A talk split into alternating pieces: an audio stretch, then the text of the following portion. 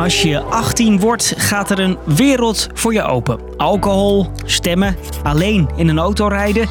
Maar deze bekende vrouw krijgt er een hele bak aan verantwoordelijkheden bij. Hallo, een hele goede morgen. Amalia, de kroonprinses. Gaat het met u? Ja, goed hoor, dank u.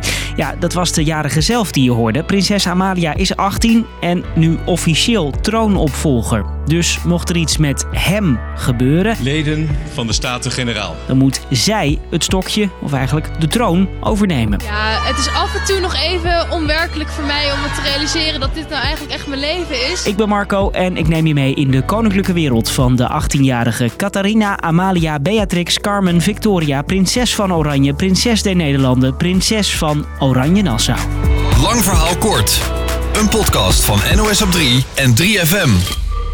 U begrijpt dat, eh, hoewel er eh, heel vaak kinderen geboren worden op deze wereld, dat Maxima en ik als trotse ouders natuurlijk dit allermooiste baby vinden van de hele wereld. Nog geen paar uur oud en het stond al rijen dik met fotografen, cameramensen en verslaggevers in het ziekenhuis om alle ins en outs over de geboorte van de aanstaande koningin op te vangen. Als je de oudste dochter van de troonopvolger bent, ligt je lot vast en daarmee ook de belangstelling.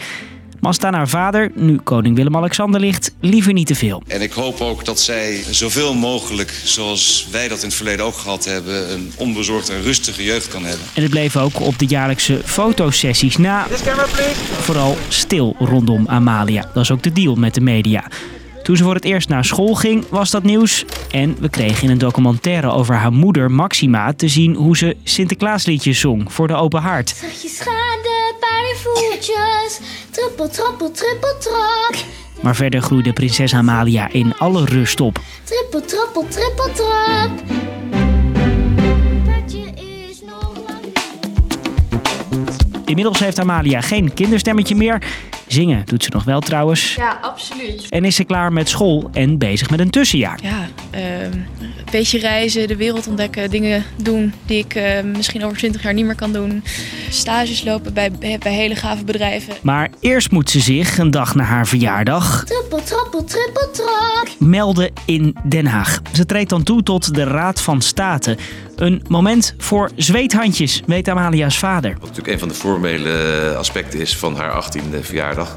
En met een speech daarbij, dat vindt ze natuurlijk heel spannend. En dat vond ik eh, ook toen ik 18 werd. Nu Amalia 18 is, krijgt ze een plekje in die Raad van State, het hoogste adviesorgaan van de regering. Weliswaar ceremonieel, ze heeft geen stemrecht, maar het is goede voorbereiding voor haar toekomstige koningschap.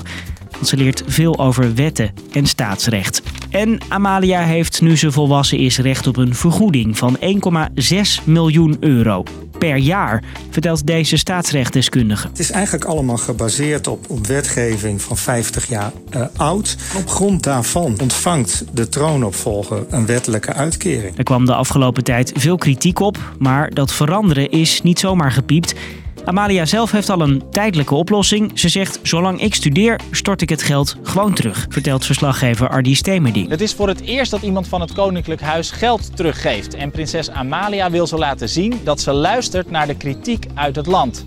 En ze voorkomt zo dat er de komende jaren in haar studietijd de hele tijd discussie is over hoeveel geld ze krijgt.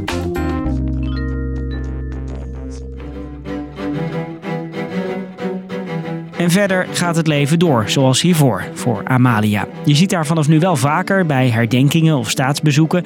En ook op Prinsjesdag is ze er vanaf nu bij. Leven de koning! Hoera! En als het aan haar vader ligt, gaat ze verder lekker haar eigen gang. Je moet eerst jezelf door en door leren kennen. En dat is wat ik bij Amalia ook steeds benadruk. Leer jezelf kennen. Ken je eigen grenzen. Ga er overheen. Maak fouten. Ja. Heb ik ook gedaan. Veel. Tja, en hij kan het weten. Zoveel ervaringsdeskundigen zijn er niet. Ook als het aan Amalia zelf ligt, blijft haar vader nog een tijd lang koning. Ze zit er zelf nog niet op te wachten om de troon over te nemen, vertelde ze Claudia de Brij voor haar boek over Amalia. Ze moet er volgens mij nog niet aan denken op dit punt in haar leven. Ze, zij hoeft echt nog niet. Als het onverwacht nu al zover zou zijn dat koning Willem-Alexander de troon over moet geven, dan kijkt Amalia naar Maxima als plaatsvervanger, vertelt verslaggever Josephine Trehi. Nou, stel dat het nou zou gebeuren, dan zou ik wel eerst mijn moeder vragen om het een aantal jaren te doen. Met andere woorden, ehm, ze is daar niet meteen nu al eh, eh, aan toe. En hoe viert Amalia haar 18e verjaardag? Nou, in ieder geval met klokgelui, En cadeaus zoals een gouden postzegel, een eigen vlag en bijardiers spelen een speciale compositie. Maar wat Amalia zelf doet is niet bekend. Waarschijnlijk klinkt het qua muziek op haar verjaardag wel wat anders als je de paleisdeuren opengooit. Want dit is een van haar lievelingsnummers.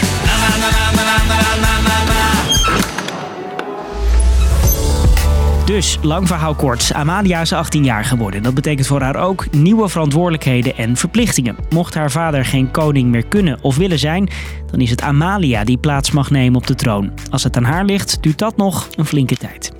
Nou, proost met een lekker oranje bittertje in je hand op de prinses. Fijn dat je weer luisterde.